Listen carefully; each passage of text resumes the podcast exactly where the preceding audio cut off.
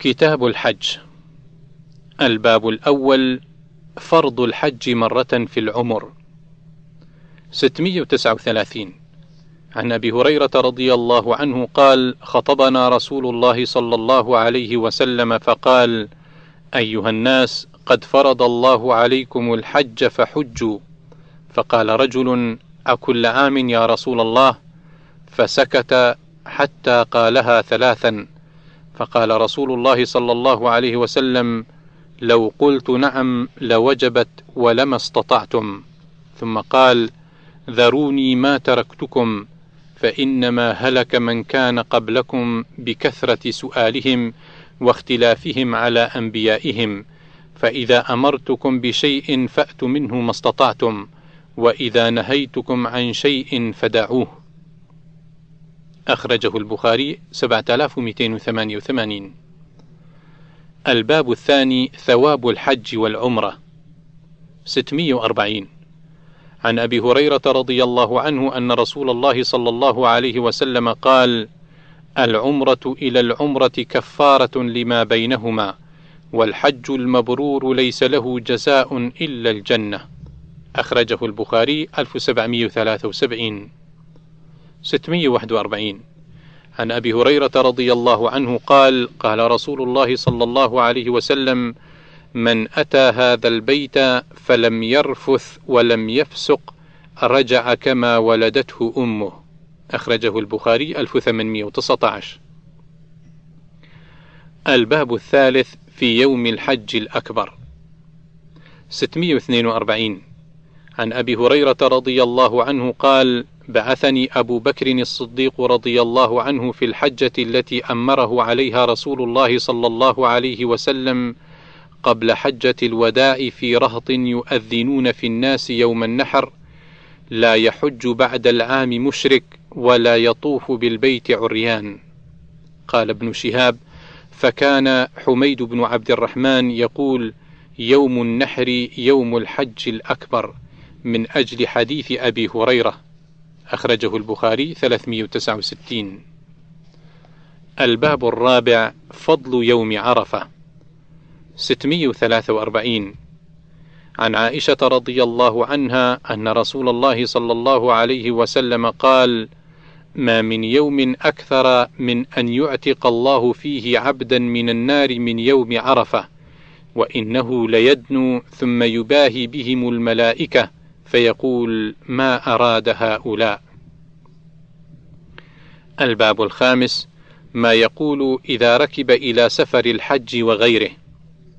644 عن علي الأزدي رضي الله عنه أن ابن عمر رضي الله عنهما علمهم أن رسول الله صلى الله عليه وسلم كان إذا استوى على بعيره خارجا إلى سفر كبر ثلاثا ثم قال: سبحان الذي سخر لنا هذا وما كنا له مقرنين وإنا إلى ربنا لمنقلبون. اللهم إنا نسألك في سفرنا هذا البر والتقوى ومن العمل ما ترضى. اللهم هون علينا سفرنا هذا واطو عنا بعده. اللهم أنت الصاحب في السفر والخليفة في الأهل. اللهم إني أعوذ بك من وعثاء السفر وكآبة المنظر. وسوء المنقلب في المال والأهل. وإذا رجع قالهن وزاد فيهن آيبون تائبون عابدون لربنا حامدون. الباب السادس سفر المرأة إلى الحج مع ذي محرم.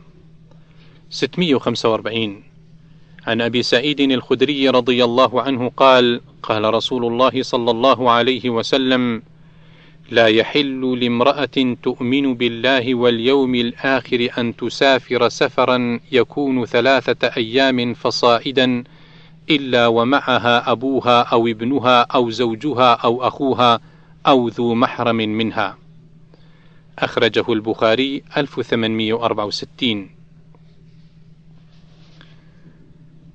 646 عن أبي هريرة رضي الله عنه عن النبي صلى الله عليه وسلم قال لا يحل لامرأة تؤمن بالله واليوم الآخر تسافر مسيرة يوم إلا مع ذي محرم أخرجه البخاري 1088 647 عن ابن عباس رضي الله عنهما قال سمعت النبي صلى الله عليه وسلم يخطب يقول لا يخلون رجل بامرأة إلا ومعها ذو محرم ولا تسافر المرأة إلا مع ذي محرم.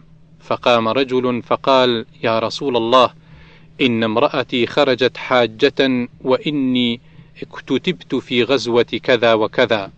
قال انطلق فحج مع امرأتك.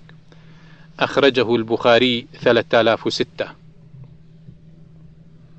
الباب السابع حج الصبي وأجر من حج به. 648 عن ابن عباس رضي الله عنهما عن النبي صلى الله عليه وسلم لقي ركبا بالروحاء فقال من القوم؟ قالوا المسلمون. فقالوا من أنت؟ قال رسول الله صلى الله عليه وسلم. فرفعت إليه امرأة صبيا فقالت الهذا حج؟ قال نعم ولك أجر. الباب الثامن الحج عمن لا يستطيع الركوب. 649 عن عبد الله بن عباس رضي الله عنهما أنه قال كان الفضل بن عباس رديف رسول الله صلى الله عليه وسلم فجاءته امراه من خثعم تستفتيه فجعل الفضل ينظر إليها وتنظر إليه. فجعل رسول الله صلى الله عليه وسلم يصرف وجه الفضل إلى الشق الآخر. قالت يا رسول الله إن فريضة الله على عباده في الحج أدركت أبي شيخا كبيرا لا يستطيع أن يثبت على الراحلة أفأحج عنه؟ قال نعم وذلك في حجة الوداع أخرجه البخاري 1513 الباب التاسع في الحائض والنفساء إذا أرادتها الإحرام. 650 عن عائشة رضي الله عنها قالت نفست أسماء بنت عميس بمحمد بن أبي بكر بالشجرة فأمر رسول الله صلى الله عليه وسلم أبا بكر يأمرها أن تغتسل وتهل. الباب العاشر في المواقيت في الحج والعمرة. 651 عن ابن عباس رضي الله عنهما قال: وقت رسول الله صلى الله عليه وسلم لأهل المدينة ذا الحليفة ولأهل الشام الجحفة ولأهل نجد قرنا ولأهل اليمن يلملم. قال فهن لهن ولمن أتى عليهن من غير أهلهن ممن أراد الحج والعمرة فمن كان دونهن فمن أهله وكذا فكذلك حتى أهل مكة يهلون منها. أخرجه البخاري 1524 652 عن أبي الزبير أنه سمع جابر بن عبد الله رضي الله عنهما يسأل عن المهل فقال سمعت أحسبه رفع إلى النبي صلى الله عليه وسلم. فقال مهل أهل المدينة من ذي الحليفة والطريق الآخر الجحفة ومهل أهل العراق من ذات عرق ومهل أهل نجد من قرن ومهل أهل اليمن من يلملم. الباب الحادي عشر الطيب للمحرم قبل أن يحرم. 653 عن عائشة رضي الله عنها زوج النبي صلى الله عليه وسلم قالت: طيبت رسول الله صلى الله عليه وسلم بيدي لحرمه حين أحرم، ولحله حين حل قبل أن يطوف بالبيت. أخرجه البخاري 1539 654 عن عائشة رضي الله عنها قالت كأني أنظر إلى وبيص المسك في مفرق رسول الله صلى الله عليه وسلم وهو محرم. أخرجه البخاري 271 الباب الثاني عشر المسك أطيب الطيب. 655 عن أبي سعيد الخدري رضي الله عنه أن رسول الله صلى الله عليه وسلم ذكر امرأة من بني إسرائيل حشت خاتمها مسكا والمسك أطيب الطيب. الباب الثالث عشر الألوة والكافور. 656 عن نافع قال كان ابن عمر رضي الله عنهما إذا استجمر استجمر بالألوة غير مطرات وبكافور يطرحه مع الألوة.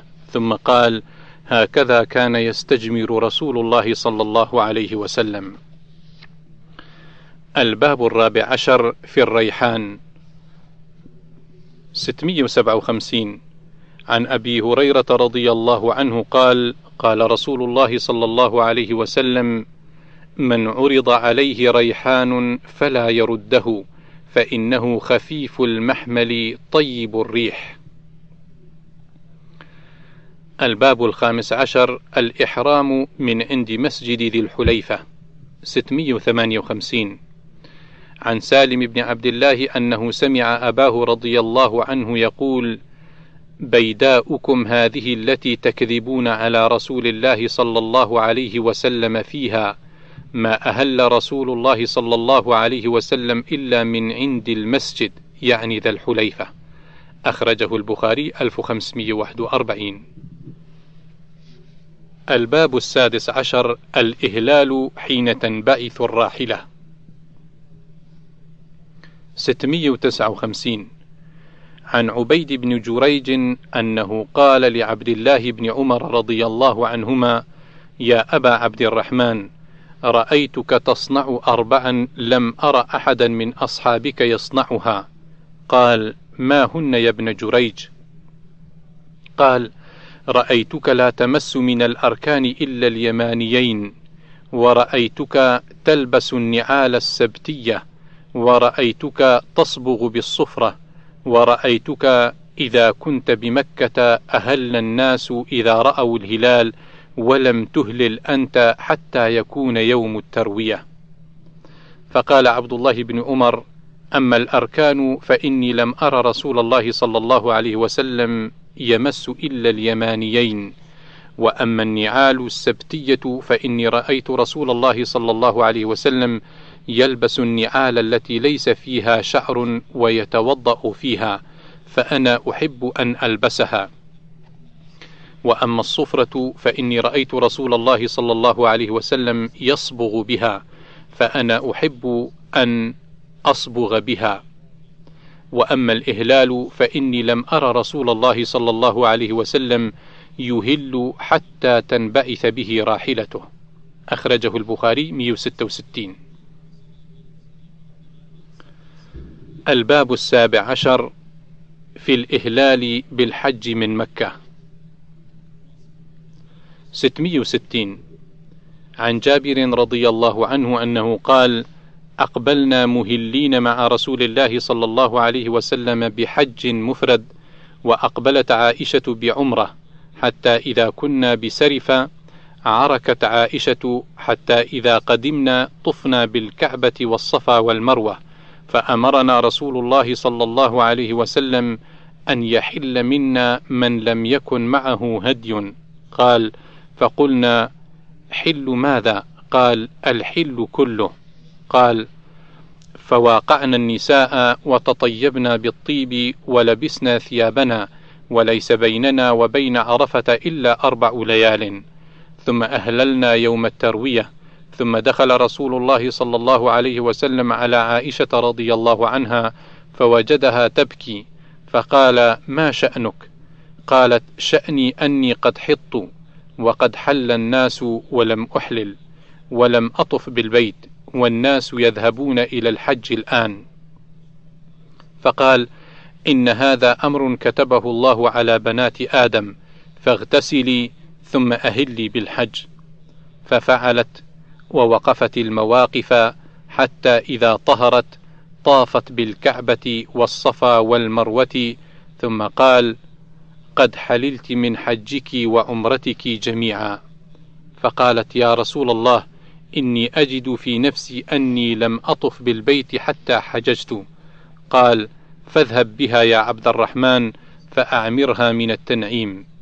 وذلك ليلة الحصبة. أخرجه البخاري 1785 الباب الثامن عشر التلبية 661 عن عبد الله بن عمر رضي الله عنهما أن رسول الله صلى الله عليه وسلم كان إذا استوت به راحلته قائمة عند مسجد ذي الحليفة أهل فقال لبيك اللهم لبيك لبيك لا شريك لك لبيك إن الحمد والنعمة لك والملك لا شريك لك. قالوا وكان عبد الله بن, بن عمر يقول هذه تلبية رسول الله صلى الله عليه وسلم. قال نافع كان عبد الله يزيد مع هذا لبيك لبيك لبيك وسعديك والخير بيديك لبيك والرغباء إليك والعمل. أخرجه البخاري 1549 الباب التاسع عشر في التلبية بالعمرة والحج. 662 عن أنس رضي الله عنه قال سمعت رسول الله صلى الله عليه وسلم أهل بهما جميعا لبيك عمرة وحجا لبيك عمرة وحجا. أخرجه البخاري 4353 4354 663 عن أبي هريرة رضي الله عنه عن النبي صلى الله عليه وسلم قال والذي نفسي بيده ليهلن ابن مريم بفج الروحاء حاجا أو معتمرا أو ليثنينهما. الباب العشرون في إفراد الحج 664 عن ابن عمر رضي الله عنهما قال أهللنا مع رسول الله صلى الله عليه وسلم بالحج مفردا. وفي رواية أن رسول الله صلى الله عليه وسلم أهل بالحج مفردا. أخرجه البخاري 4353 و 4354 665 عن عائشة رضي الله عنها أن رسول الله صلى الله عليه وسلم أفرد الحج. الباب الحادي والعشرون القران بين الحج والعمرة 666 عن بكر بن عبد الله عن أنس رضي الله عنه قال: سمعت النبي صلى الله عليه وسلم يلبي بالحج والعمرة جميعا.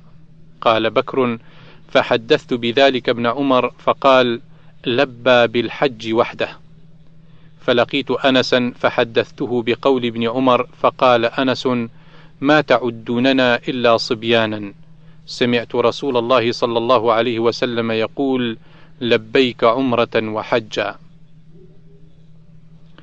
الباب الثاني والعشرون في متعة الحج 667 عن عمران بن حسين رضي الله عنهما قال: تمتعنا مع رسول الله صلى الله عليه وسلم ولم ينزل فيه القرآن. قال رجل برأيه ما شاء. أخرجه البخاري 4518 668 عن عمران بن حسين رضي الله عنهما قال تمتع نبي الله صلى الله عليه وسلم وتمتعنا معه. 669 عن جابر بن عبد الله رضي الله عنهما قال قدمنا مع رسول الله صلى الله عليه وسلم ونحن نقول لبيك بالحج فأمرنا رسول الله صلى الله عليه وسلم أن نجعلها عمرة. أخرجه البخاري 1568 الباب الثالث والعشرون من أحرم بالحج ومعه الهدي. 670 عن موسى بن نافع قال قدمت مكة متمتعا بعمرة قبل التروية بأربعة أيام. فقال الناس تصير حجتك الآن مكية. فدخلت على عطاء بن أبي رباح فاستفتيته فقال عطاء حدثني جابر, جابر بن عبد الله الأنصاري أنه حج مع رسول الله صلى الله عليه وسلم عام ساق الهدي معه وقد أهلوا بالحج مفردا. فقال رسول الله صلى الله عليه وسلم أحلوا من إحرامكم. فطوفوا بالبيت وبين الصفا والمروة وقصروا وأقيموا حلالا. حتى إذا كان يوم التروية فأهلوا بالحج واجعلوا التي قدمتم بها متعة. قالوا كيف نجعلها متعة وقد سمينا الحج؟ قال افعلوا ما آمركم به فإني لولا أني سقت الهدي لفعلت مثل الذي أمرتكم به. ولكن لا يحل مني حرام حتى يبلغ الهدي محله. ففعلوا. أخرجه البخاري 1568 الباب الرابع والعشرون نسخ التحلل من الإحرام والأمر بالتمام. 671 عن أبي موسى رضي الله عنه قال قدمت على رسول الله صلى الله عليه وسلم وهو منيخ بالبطحاء. فقال بما أهللت؟ قال قلت أهللت بإهلال النبي صلى الله عليه وسلم. قال هل سقت من هدي؟ قلت لا. قال فطف بالبيت وبالصفا والمروة ثم حل. فطفت بالبيت وبالصفا والمروة ثم أتيت امرأة من قومي فمشطتني وغسلت رأسي فكنت أفتي الناس بذلك في إمارة أبي بكر وإمارة عمر رضي الله عنهما. فإني لقائم بالموسم إذ جاءني رجل فقال إنك لا تدري ما أحدث أمير المؤمنين في شأن النسك. فقلت أيها الناس من كنا أفتيناه بشيء فليتئد فهذا أمير المؤمنين قادم عليكم فبه فأتموا. فلما قدم قلت يا أمير المؤمنين ما هذا الذي أحدثت في شأن النسك؟ قال إن نأخذ بكتاب الله فإن الله عز وجل قال وأتموا الحج والعمرة لله. سورة البقرة الآية 196 وإن نأخذ بسنة نبينا محمد صلى الله عليه وسلم فإن النبي صلى الله عليه وسلم لم يحل حتى نحر الهدي. أخرجه البخاري 1724 672 عن أبي ذر رضي الله عنه قال كانت المتعة في الحج لأصحاب محمد صلى الله عليه وسلم خاصة. الباب الخامس والعشرون الهدي في القران بين الحج والعمرة. 673 عن نافع أن عبد الله بن عمر رضي الله عنهما خرج في الفتنة معتمرا وقال إن صددت عن البيت صنعنا كما صنعنا مع رسول الله صلى الله عليه وسلم فخرج فأهل بعمرة وسار حتى إذا ظهر على البيداء التفت إلى أصحابه فقال ما أمرهما إلا واحد أشهدكم أني قد أوجبت الحج مع العمرة. فخرج حتى جاء البيت طاف به سبعا وبين الصفا والمروة سبعا لم يزد عليه ورأى أنه مجزئ عنه وأهدى. أخرجه البخاري 1639 الباب السادس والعشرون الهدي في المتعة. 674 عن سالم بن عبد الله أن عبد الله بن عمر رضي الله عنهما قال تمتع رسول الله صلى الله عليه وسلم في حجة الوداع بالعمرة إلى الحج وأهدى فساق معه الهدي من ذي الحليفة وبدأ رسول الله صلى الله عليه وسلم فأهل بالعمرة ثم أهل بالحج وتمتع الناس مع رسول الله صلى الله عليه وسلم بالعمرة إلى الحج فكان من الناس من أهدى فساق الهدي ومنهم من لم يهدي. فلما قدم رسول الله صلى الله عليه وسلم مكة قال للناس من كان منكم أهدى فإنه لا يحل من شيء حرم منه حتى يقضي حجه. ومن لم يكن منكم أهدى فليطف بالبيت وبالصفا وبالمروة وليقصر وليحلل ثم ليهل بالحج وليهدي. فمن لم يجد هديا فليصم ثلاثة أيام في الحج وسبعة إذا رجع إلى أهله.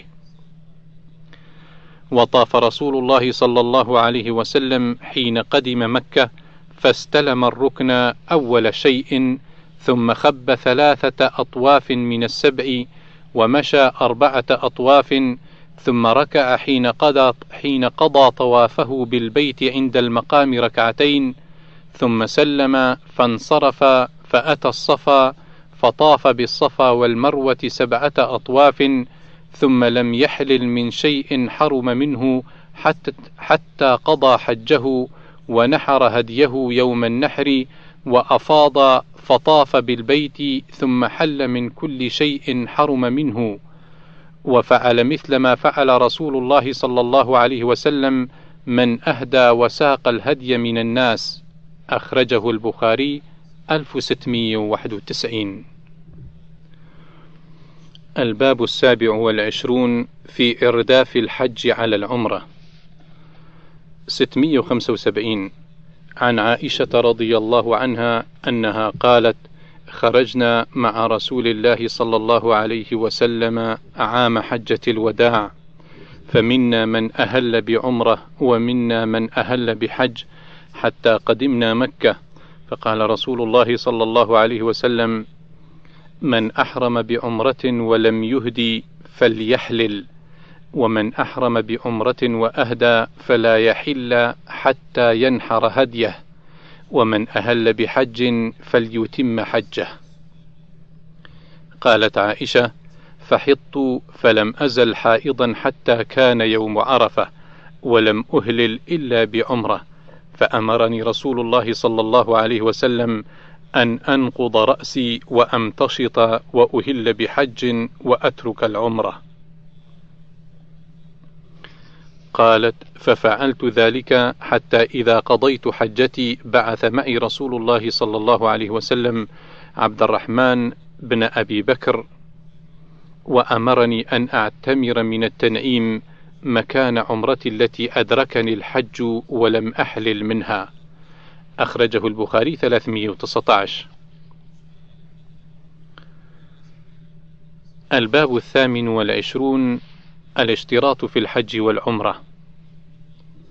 676 عن ابن عباس رضي الله عنهما أن ضباعة بنت الزبير بن عبد المطلب أتت رسول الله صلى الله عليه وسلم فقالت: إني امرأة ثقيلة وإني أريد الحج فما تأمرني؟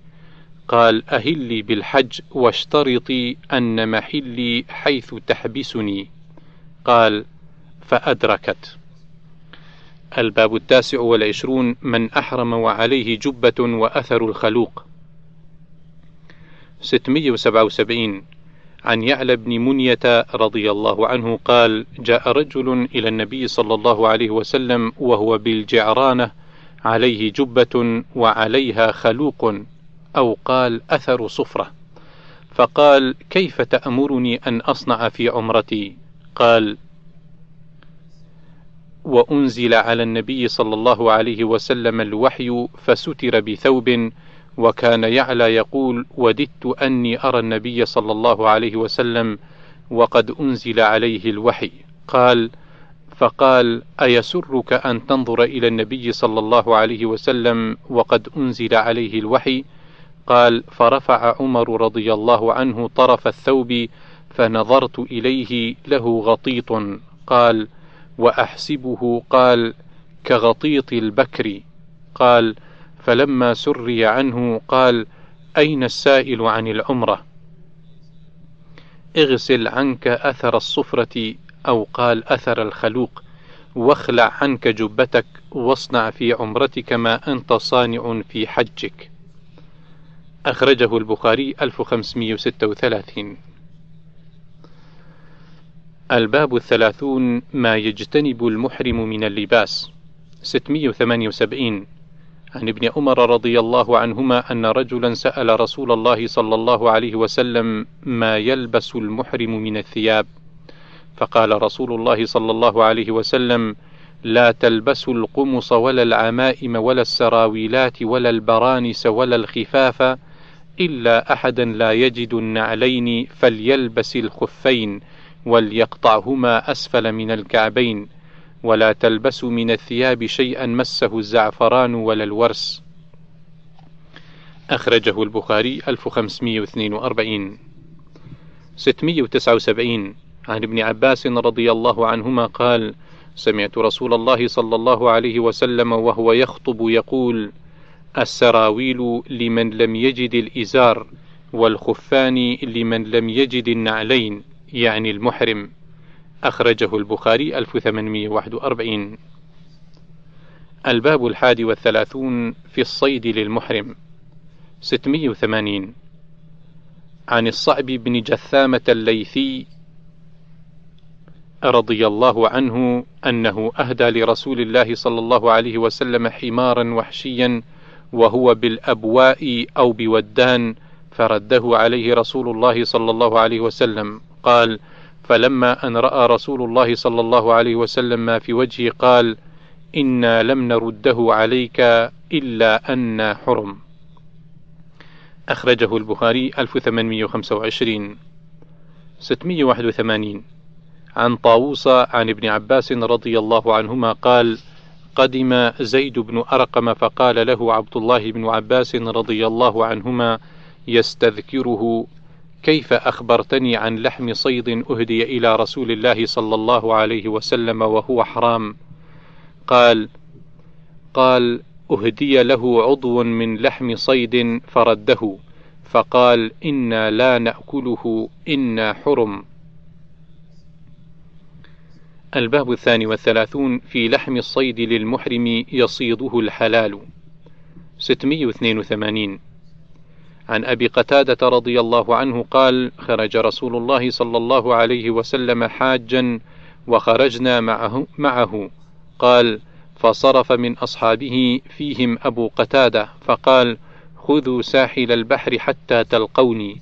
فأخذوا ساحل البحر فلما انصرفوا قبل رسول الله صلى الله عليه وسلم أحرموا كلهم إلا أبا قتادة فإنه لم يحرم فبينما هم يسيرون إذ رأوا حمر وحش فحمل عليها أبو قتادة فعقر منها أتانا فنزلوا فأكلوا من لحمها قال فقالوا أكلنا لحما ونحن محرمون.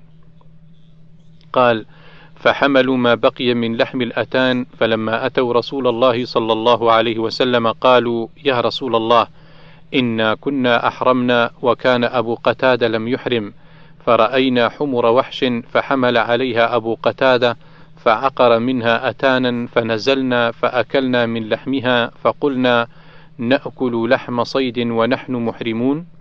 فحملنا ما بقي من لحمها فقال هل معكم أحد أمره أو أشار إليه بشيء قال قالوا لا قال فكلوا ما, بق ما بقي من لحمها. أخرجه البخاري 1824 الباب الثالث والثلاثون ما يقتل المحرم من الدواب. 683 عن عائشة رضي الله عنها عن النبي صلى الله عليه وسلم أنه قال: خمس فواسق يقتلن في الحل والحرم: الحية والغراب الأبقع والفأرة والكلب العقور والحدية. أخرجه البخاري 1829 684 عن ابن عمر رضي الله عنهما عن النبي صلى الله عليه وسلم قال: خمس لا جناح على من قتلهن في الحرم والإحرام الفأرة والعقرب والغراب والحدأة والكلب العقور. أخرجه البخاري 1828 الباب الرابع والثلاثون الحجامة للمحرم 685 عن ابن بحينة رضي الله عنهما أن النبي صلى الله عليه وسلم احتجم بطريق مكة وهو محرم وسط رأسه. أخرجه البخاري 5698 الباب الخامس والثلاثون مداواة المحرم عينيه. 686 عن نبيه بن وهب قال خرجنا مع أبانا بن عثمان حتى إذا كنا بملل اشتكى عمر بن عبيد الله عينيه فلما كنا بالروحاء اشتد وجعه فأرسل إلى أبان بن عثمان يسأله فأرسل إليه أن اضمضهما بالصبر فإن عثمان رضي الله عنه حدث عن رسول الله صلى الله عليه وسلم في الرجل إذا اشتكى عينيه وهو محرم ضمدهما بالصبر. الباب السادس والثلاثون غسل المحرم رأسه. 687 عن عبد الله بن حنين عن عبد الله بن عباس والمسور بن مخرمة رضي الله عنهم أنهما اختلفا بالأبواء فقال عبد الله بن عباس يغسل المحرم رأسه. وقال المسور لا يغسل المحرم رأسه. فأرسلني ابن عباس إلى أبي أيوب الأنصاري رضي الله عنه أسأله عن ذلك فوجدته يغتسل بين القرنين وهو يستتر بثوب. قال فسلمت عليه فقال من هذا؟ فقلت أنا عبد الله بن حنين. أرسلني إليك عبد الله بن عباس أسألك كيف كان رسول الله صلى الله عليه وسلم يغسل رأسه وهو محرم؟ فوضع أبو أيوب يده على الثوب فطأطأه حتى بدا لي رأسه ثم قال لإنسان يصب اصبب فصب على رأسه ثم حرك رأسه بيديه فأقبل بهما وأدبر ثم قال: هكذا رأيته يفعل. أخرجه البخاري 1840